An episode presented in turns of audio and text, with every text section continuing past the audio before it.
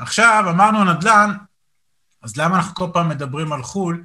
כי בסוף, למה לא נדל"ן בארץ, בסדר? אז יש למעשה שלושה, שלוש סיבות עיקריות למה עמית והגר לא עושים נדל"ן בארץ. אין לנו בעיה של ציונות, ואנחנו מאוד אוהבים את הארץ שלנו, בסדר? יש לנו שלוש בעיות עם הנדל"ן בארץ. אחד, המחירים בארץ מאז 2006-2007 נמצאים במגמת עלייה סיסטמטית, ועולים ועולים ועולים ועולים. בסדר, אנחנו בסוף משקיעים, חבר'ה, אנחנו לא קונים, תחשבו, ת, ת, תיכנסו רגע לראש, אנחנו לא מחפשים את הבית שאנחנו בו רוצים לגור. לא, אנחנו רוצים את הבית שמישהו ישלם לנו כסף על הדלת. לא הדלת שאנחנו משלמים עליה, מישהו ישלם. ואם המחירים כל הזמן עולים, זה אומר שאם הכסף שלנו נוכל לקנות פחות, אז זה לא טוב לנו. מה שעולה, בגלל ה-14 שנים האלה, התשואות בארץ מאוד נמוכות, יחסית למה שאפשר להשיג בחו"ל, ושוב, מי שמשקיע בארץ וחילק את הדירה לשלוש, והזכיר את זה לשלושה סטודנטים, ופיצל שם את הלוח חשמל ועשה אלף ואחד עבירות, אז הוא יעשה בין שניים לארבעה אחוז בלחץ, שזה גם זה ברוטו, בהנחה שהדייר תמיד משלם ושום דבר לא יתקלקל ו... ו... ו... בחו"ל אנחנו יכולים לעשות, כאמור, פי שתיים ואולי פי שלוש על הכסף. ובנוסף, ההון העצמי שנצטרך בארץ כדי להשקיע בדירה הוא יחסית גבוה, צריך להביא לפחות 40 אחוז מההון של הנכס, כי יש פה חוץ מה... חוץ מהזה, יש גם, למי שזו דירה שנייה, יש, יש מס אה, אה, רכישה, אגב, וגם באקזיט יש אה, אה מס שבח, שצריך לתת למדינה עוד סכום מאוד מאוד גדול, ולכן בעיניים שלנו מחירים גבוהים, תשואות נמוכות, מיסוי גבוה והון עצמי גבוה שאנחנו צריכים להשקיע, בטח אנשים בני 23 שאין להם הון עצמי גבוה, כי יש להם רק 150 או 200 אלף שקל, הם לא יכולים לעשות עם זה נדל"ן בארץ, אז זה הפנה אותנו לחו"ל. בסדר? זה חשוב להבין למה אנחנו עושים בחו"ל, ואנחנו נרחיב על הדבר הזה גם כן. סתם רציתי כאילו לשאול איך הם, איך הם עם זה, כי אנחנו לא יודעים איך אתם כאילו לפני, ואם אנחנו מחדשים לכם משהו, או שאתם, הפתענו אתכם עם הנתון על 2006, ואולי תגידו לנו לא, דווקא המחירים בנדל"ן סבבה, כאילו סתם זה עניין אותי איך, איך אתם מרגישים עם זה, אם בא לכם לענות. מי השקיע? כן, סליחה. מי השקיע בנדל"ן בארץ? אם השקעתם כבר? לפני שנתיים השתחררתי מהצבא, וואלה, לא היה לי הזדמנויות כל כך. אוקיי. אה, סבבה, בסדר. בסדר, אבל מי, יש מישהו שחושב על זה? לא, אין לנו בעיה עם זה, אגב, אנחנו פשוט... מה? כאילו, אני ממש עם החול, כן. כאילו, לא הבנתי. סליחה? אני אומרת, אני כאילו מבינה את הסיבות. כאילו, זה גם הכמה חשיבה שלי. אוקיי. אוקיי. יופי, אנחנו שמחים, כי אנחנו עכשיו נכנסים כזה לסשן על הדירה בבעלות, אז אני קצת הולכת, אה, יש לי על זה הרבה בשר, אז אה, אני מקווה שתקבלו את זה באוזניים טובות, מה שנקרא. רק שאלה רצית? כן. שאמרתם שהשקעתם כבר בשלוש דירות, זה כול, הכל מדובר על דירות בחו"ל? רגע, לא, לא, לא, לא, אז אוקיי, סליחה, זה גלגול שלי קודם, עוד אה, לפני הסיפור שלנו.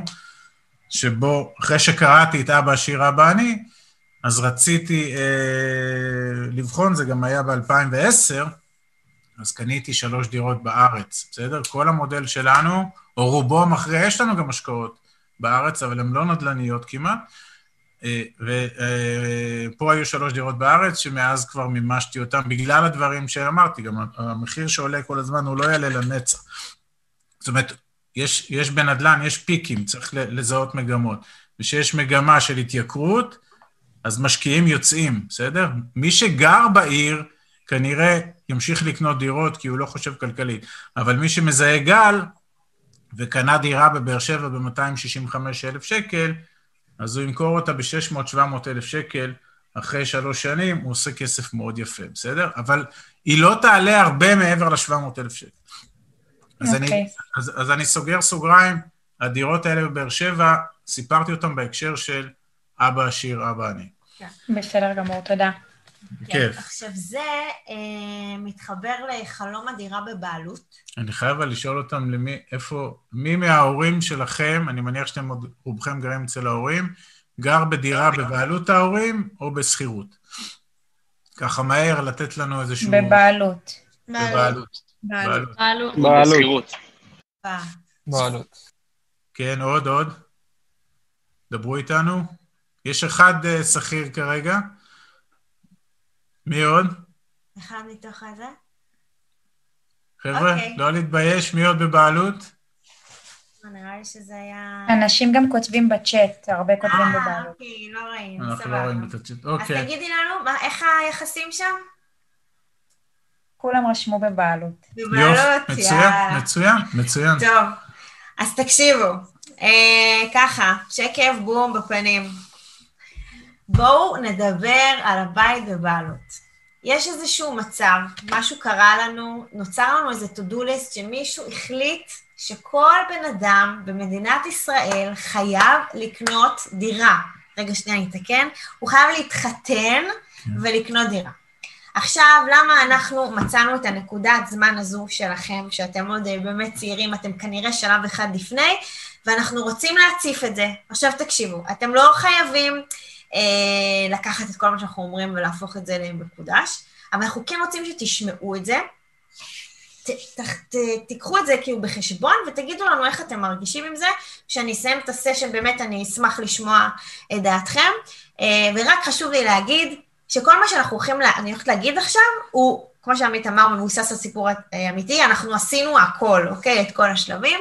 כי גם לנו אמרו שאנחנו צריכים לקנות בית בבעלותנו, כי אם לא נגדיל, לא נהיה לנו בית בבעלותנו, לא תהיה לנו רווחה כלכלית ולא יהיה לנו ביטחון, אה, אני לא יודעת אפילו איך לקרוא לא. כי- כי צריך, כן, כי צריך. צריך. הצריך הפך למאסט, זהו, אוקיי? עכשיו זה איזשהו מסלול אוטומטי שכולם נכנסים אליו, וכבר הוא הופך להיות די מסוכן, ואני כל הזמן שואלת מה קרה לחוות דעת. כאילו, למה מישהו פה לא עוצר לשאול רגע, האם ההחלטה הזו היא החלטה אופטימלית ברמה הכלכלית?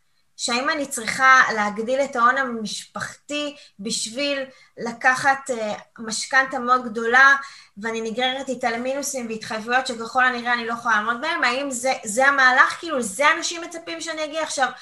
איכשהו נהיה שזה החלום הישראלי. שימו לב שאפילו שיש כותרות בעיתון, מדברים איתכם על החלום הישראלי לרכוש דירה, ואם חלילה הריביות אה, ירדו למטה, אז אומרים הריביות עלו, סליחה, אז אומרים לכם, אה, החלום... אה, להתרחק. החלום מתרחק. ואם הריביות יורדות, החלום מתקרב. בסדר? איכשהו גם... אבל- זה תמיד חלום. זה נרטיב, עכשיו עוד פעם אני...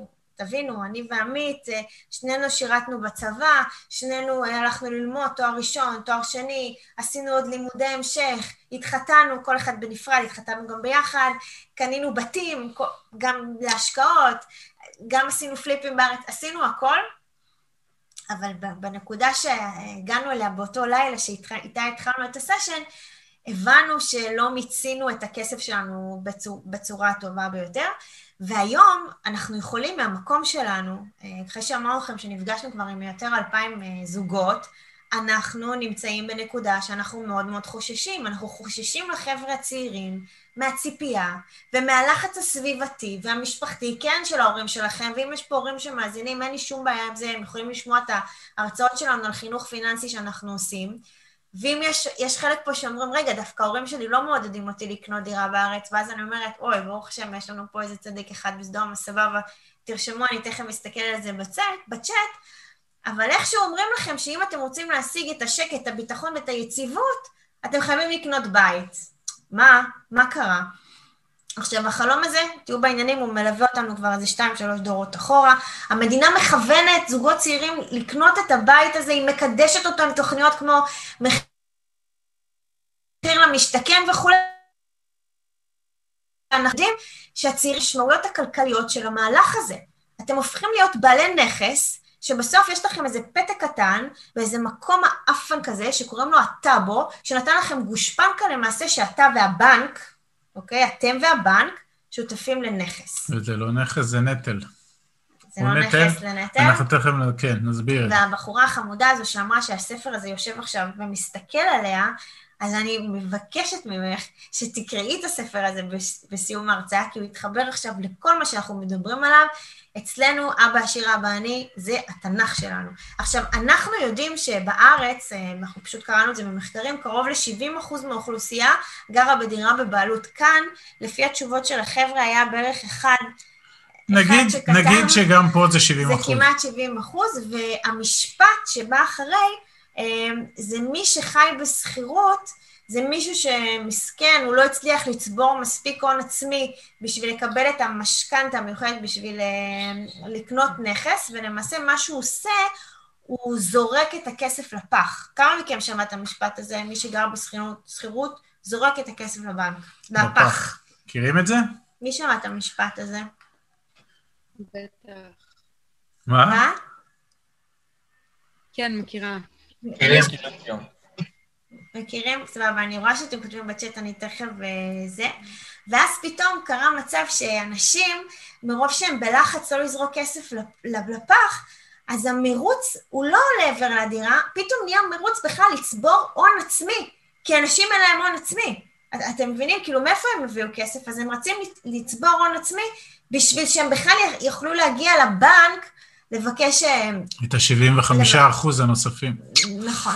ועכשיו, מה שאנחנו כאילו רוצים לעשות פה, לתת לכם איזשהו, אה, זה כמו אה, fast forward, כאילו קדימה אנחנו רוצים רגע להראות לכם שאפשר אה, אפשר גם אחרת, כי זה באמת קשה לנו גם עם מה שהתקשורת עושה, שהיא מדברת על זה כל כך הרבה, וזה גם מלחיץ, אוקיי? זה מלחיץ, כי זה משפיע על כל מהלך החיים שלכם, כי יכול להיות שאתם עכשיו לומדים, ואז אתם מסיימים ללמוד, ואתם אומרים, רגע, אני צריך להרוויח, אני צריך להשתכר באיזושהי עבודה, כי אני צריך לקחת משכנתה, ואתם לא שמים לב שהתודעה שלכם היא כל כך מכוונת המשכנתה, שאם לא עצרתם לחשוב על זה, אתם נפלתם כבר בפח. את- אתם מבינים? התודעה שאני דיברתי עליה קודם, זה מה שקרה לנו שלא עצרנו רגע לחשוב, אוקיי? לא עצרנו לחשוב מה באמת החלום שלנו. ופה אנחנו רוצים לעשות לכם איזה wake-up call, וזה למעשה סיכום של אבא עשיר אבא אני.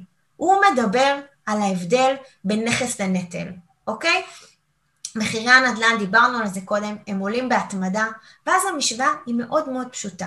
אתה רוכש, אה, המשוואה מאוד פשוטה, אתה קונה נכסים שמניבים לך כסף ואתה לא קונה נטל שלמעשה שודד אותך, אוקיי? כי היום, היום, 2020, אתה קונה במחירים מאוד גבוהים, המינוף גבוה ויקר, ואם נעשה שווה, זו עסקה כלכלית מאוד מאוד לא טובה. עכשיו תגידו לי אתם, מה אתם מרגישים עם ההגדרה של נכס ונטל? איך אתם רואים את זה? אני רוצה רק להבין, אם בעצם את אומרת שזה נטל, אבל אם אני אשכיר דירה, אז את אותו כסף של המשכנתה אני אשלם על הדירה. מעולה. זה שלב מתקדם, אני תכף אדבר עליו. אוקיי. מצוין. תגידו לי אבל את ההגדרה שלכם. האם, האם, נכס, זה, האם נכס חייב להיות נטל או יש ביניהם הבדל? אוקיי? הוא מפסיק להיות נטל ברגע שאתה מפסיק להיות משועבד אליו. אוקיי, יפה. כמה זמן זה... הוא נחשב, ואז הוא נחשב בתור נכס, ואז הוא יכול גם להניב לך תפוקה. אבל אם המצב הפוך וכל החיים שלך סובבים סביבו, אז הוא נטל. כן. הוא, הוא, הוא נטל בגלל שהוא נוטל ממכם כסף כל חודש, בסדר? גבוהה ונכס זה הכנסה חודשית גבוהה, בקיצור. זה... לא שמענו? עוד פעם תגיד. נכס זה הכנסה חודשית גבוהה, ונטל זה הוצאה חודשית גבוהה. לא, זה לא חייב להיות חודשי. בוא, בוא נהיה, נלך מאוד, מאוד בכללי. נכס זה מה שמכניס לנו כסף, להלן דירה שאנחנו, שלנו, ש... כמו שהבחורה אמרה, דירה שבעלותנו, שאולי מושכרת כן. למישהו, ומה שמשלמים לנו עבורה הוא, הוא גבוה ממה ששילמנו עבורו. זה אחד, והוא גם מגדיל לנו את ההון, ונטל זה מה שנוטל מאיתנו כסף. ולכן הבית שבו אנחנו גרים, שקנינו במיטב כספנו, תמיד הוא יהיה נטל.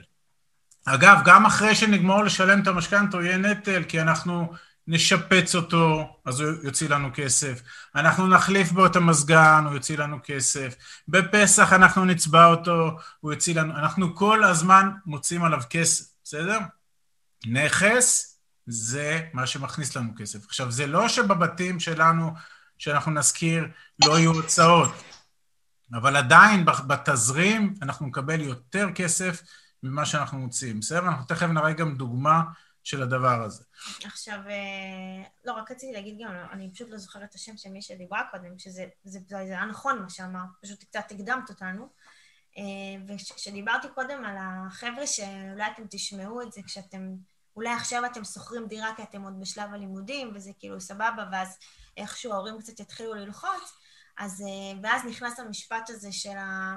אתה, אתה זורק למעשה את הכסף לפח, אבל אם יש לך דירה בבעלותך ואתה משלם כל חודש משכנתה, אז לאט לאט אתה מגיע אל היעד הזה הנחשק של הבית בבעלותך, וקודם אמרת, מישהו אמר, שזה אתה, אתה, זה הופך להיות נכס ברגע שאתה מפסיק לשלם על הנטל. אבל כמה זמן? אבל לא, אתה גם לא מפסיק לשלם עליו אף פעם. נכון. זה מה ש... אז אני אומרת, אז רגע, אז אם עבר 30 שנה זה, זה טוב? זה השקעה טובה? כאילו, זה, זה הנכס שאנחנו רוצים להיות הבעלים שלו? עכשיו, שתדעו, יש איזה איש מאוד מאוד חכם ועשיר שאמר שאין אף פעם, אין מיליונר אחד, אוקיי, שהתעשר מהבית היקר שבו הוא מתגורר, אוקיי? הוא קודם נהיה מיליונר, בסדר? נהיה לו מלא כסף, ורק אחר כך הוא קנה לעצמו בית מאוד יקר. עכשיו, זה עיקרי התפיסה שלנו, אוקיי? המחירי הנדל"ן בארץ הם, הם, הם, הם באמת, הם בלתי, הם בלתי ניתנים בכלל לתפיסה.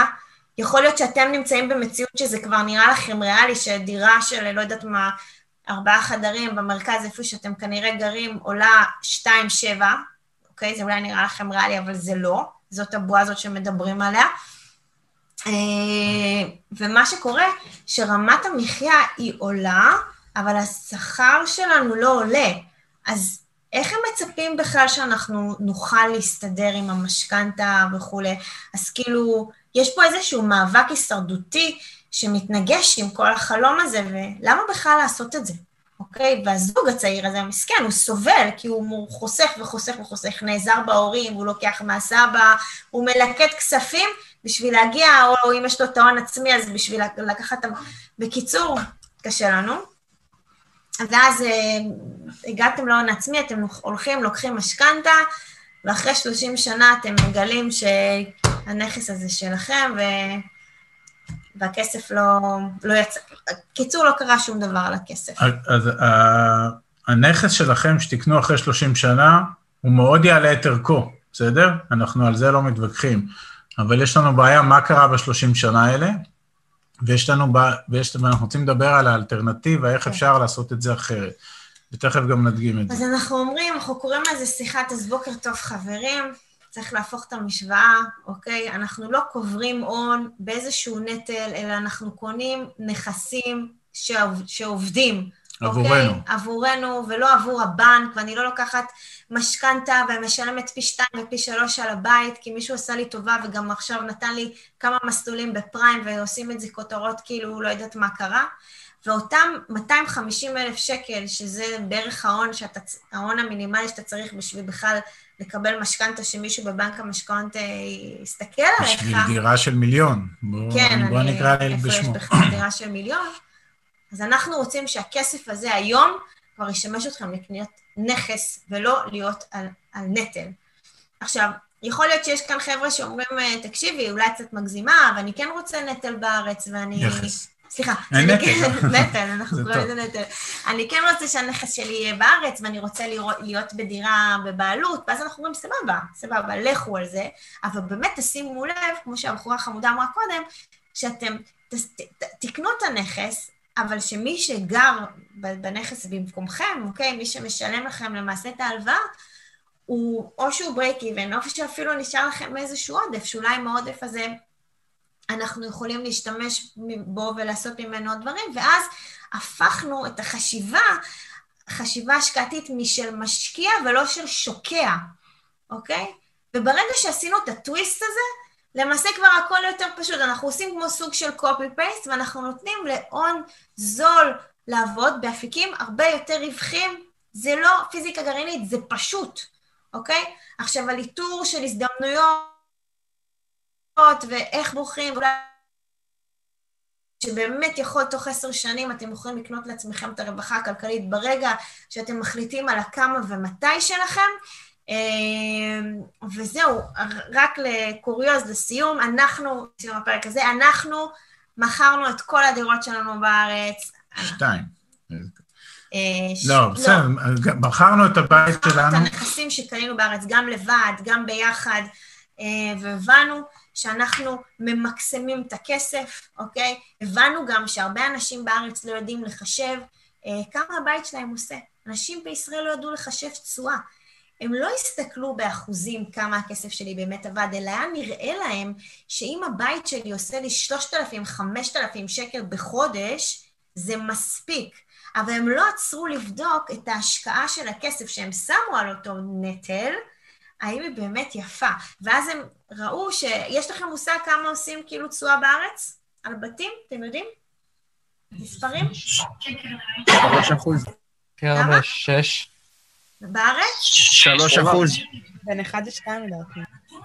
כן, זה, זה מה שאמרתי קודם, זה בערך בין 2 ל-4 אחוז.